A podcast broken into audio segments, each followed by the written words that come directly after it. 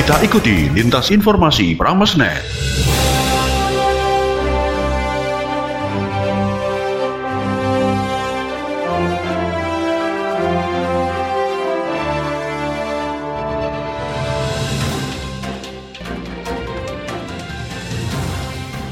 Selamat pagi. Kita jumpa kembali dengan Lintas Informasi Pramesnet edisi Jumat 25 Juni 2021.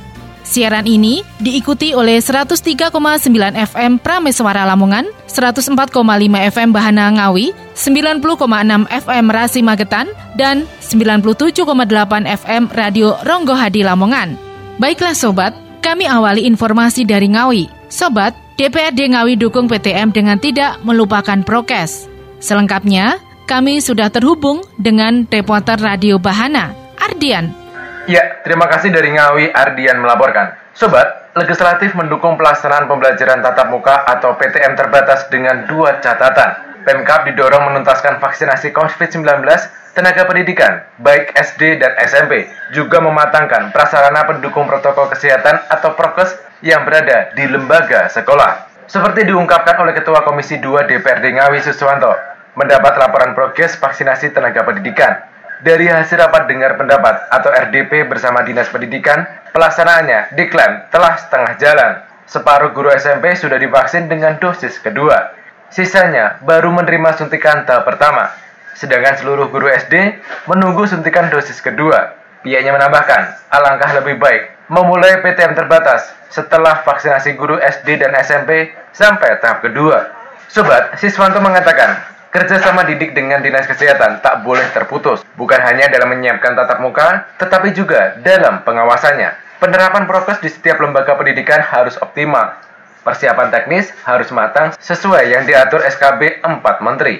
Sobat, eksekutif disarankan tidak saklek menerapkan kegiatan belajar mengajar yang ada di setiap kelas. Kegiatan itu bisa tetap dikombinasikan pembelajaran jarak jauh atau PJJ alias daring Sebab, menurut Siswanto, poin terpenting pembelajaran hybrid atau kombinasi membuat peserta didik tidak terlalu ketinggalan materi pembelajaran. Pihaknya mengharapkan pengejaran ketertinggalan setelah satu tahun tidak belajar atau melalui daring bisa terkejar. Demikian yang dapat kami informasikan dari Ngawi, kita kembali ke studio, silahkan. Ardian, reporter dari Radio Bahana Ngawi. Berikutnya, kami menuju Lamongan. Sobat, DPRD Lamongan mulai mengakomodasi masukan masyarakat. Selengkapnya, kami sudah terhubung dengan reporter Radio Ronggo Hadi. Novi. Baik, terima kasih Sobat. Dewan Perwakilan Rakyat Daerah atau DPRD Lamongan mulai mengakomodasi masukan masyarakat terhadap enam rancangan peraturan daerah atau raperda. Saran yang dibutuhkan untuk memperbaiki rumusan raperda sebelum dibahas lebih lanjut pada rapat paripurna. Ketua Pansus II tentang Raperda Inovasi Daerah serta Raperda Koperasi dan Usaha Mikro Abdul Somad mengatakan Kedua raperda usulan Pemka meliputi Rencana Pembangunan Jangka Menengah Daerah atau RPJMD Kabupaten Lamongan 2021 sampai dengan 2026 dan perubahan kedua atas Peraturan Daerah Nomor 5 tahun 2016 tentang pembentukan dan susunan perangkat daerah Kabupaten Lamongan. Sedangkan empat raperda usulan DPRD Lamongan meliputi Raperda Inovasi Daerah, Raperda Koperasi dan Usaha Mikro, Raperda Penyelenggaraan Penanggulangan Bencana Alam dan Non-Alam, dan Raperda Pengentasan Kemiskinan. Sebelumnya rapat paripurna tahap kedua, pandangan umum fraksi-fraksi dan pendapat Bupati terhadap enam raperda usulan sudah digelar. Bupati Lamongan Yuranur Effendi menyampaikan pendapatnya atas raperda inisiatif DPRD yang terdiri atas Raperda Inovasi, Raperda Pemberdayaan Koperasi dan Usaha Mikro, Raperda Pengentasan Kemiskinan, serta Raperda Penyelenggaraan Penanggulangan Bencana Alam dan Non-Alam. Dia menilai selama ini Pemkap menggunakan Perda nomor 14 tahun 2011 tentang penanggulangan bencana. Seiring perkembangan kondisi wilayah Lamongan perlu dilakukan penyempurnaan.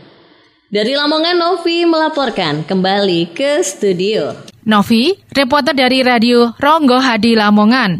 Berikutnya, kami menuju Magetan. Sobat, Sabet juara 1 LKS Jatim, dua siswa SMK Yosonegoro mewakili Provinsi Jatim maju di ajang nasional. Selengkapnya, kami sudah terhubung dengan reporter Radio Rasi, Adimas. Baik, terima kasih, Sobat. Dua siswa SMK Yosonegoro berhasil menyabet juara satu dalam lomba LKS di Jawa Timur. Kepala SMK Yosonegoro Muhammad Amin mengatakan, siswa atas nama Ilham Rofikul merupakan siswa kelas 12 jurusan Teknik Permesinan TP Cemko yang berhasil menyabet juara satu bidang Lomba Mechanical Engineering CAT jurusan Teknik Permesinan. Sementara siswa atas nama Paulus Dimas siswa kelas 12 jurusan Teknik Permesinan berhasil menyabet juara satu di bidang Prototype Modeling jurusan Teknik Permesinan. Dia mengatakan dua siswanya yang berhasil membawa pulang juara satu merupakan anugerah selama 29 tahun terakhir mengingat untuk meraih juara satu apalagi di bidang yang berbeda dibutuhkan kerja keras mengingat lomba tersebut merupakan salah satu lomba paling bergengsi.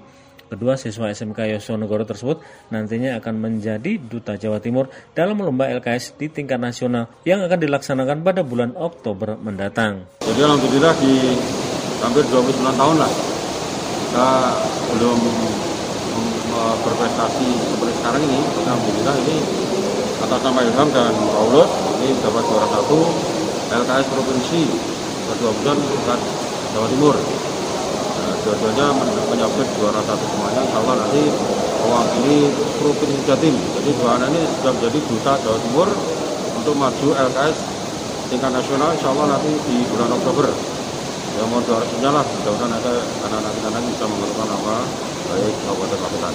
Bupati Magetan Suprawoto yang ikut hadir menyaksikan pemberian penghargaan atas prestasi kedua siswa SMK Yosonegoro mengaku bangga kepada kedua siswa tersebut bisa meraih juara satu dan akan menjadi duta Provinsi Jawa Timur dalam lomba LKS. Dia mengatakan prestasi kedua siswa SMK Yosonegoro tersebut selain mengharumkan nama Kabupaten Magetan juga akan menjadi jalur tol bagi siswa Yosonegoro lainnya di masa yang akan datang. Sama Paulus ini, ini sama dengan membuat jalan tol bagi adik-adiknya. Jadi tinggal adik-adiknya ikuti aja, akan terbawa. Terbawa apa? Semangatnya, motivasinya, ingin selalu ingin jadi juara. Karena apa? Melihat kakak-kakaknya. Nah, sebab itulah saya atas nama uh, Bupati Magetan mengucapkan selamat berjuang dengan dan Paulus untuk membawa nama baik Kabupaten Kedua siswa yang lulus tahun ini rencananya akan menjalani pelatihan lebih intensif untuk maju pada kejuaraan LKS tingkat nasional yang akan digelar pada bulan Oktober mendatang. Prestasi yang berhasil ditorehkan oleh kedua siswa SMK Yosenegoro tersebut berdampak pada siswa Paulus saat ini dipastikan diterima bekerja di sebuah perusahaan engineering di Surabaya, sementara Ilham rencananya akan meneruskan pendidikan pada salah satu perguruan tinggi. Dari Kabupaten Magetan, Adima Sukocora CV melaporkan kita kembali ke studio.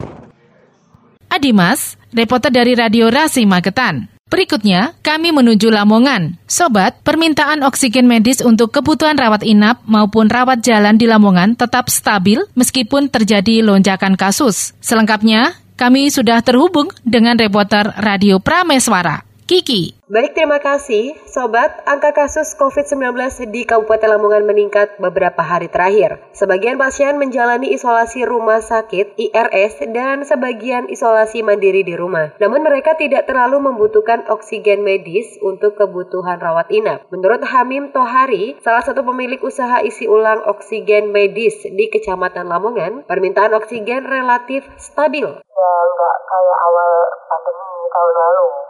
biasanya setiap hari satu rumah sakit satu tabung habis tapi sekarang malah menurun. Sehari satu tabung aja belum habis tapi rata-rata yang isi ulang itu pasien lama. Kalau pasien baru kadang sehari bisa tambah satu kadang juga nggak ada sama sekali. Sama-sama melandai kalau sekarang ini dia menuturkan per hari ada 3 hingga 4 tabung oksigen ukuran 1 meter kubik yang diisi ulang di tempatnya. Para pelanggan mengisi ulang tabung oksigen untuk kebutuhan rawat jalan di rumah. Intensitas isi ulang para pelanggan berbeda-beda tergantung pemakaian. Dari Lamongan, Kiki melaporkan kembali ke studio.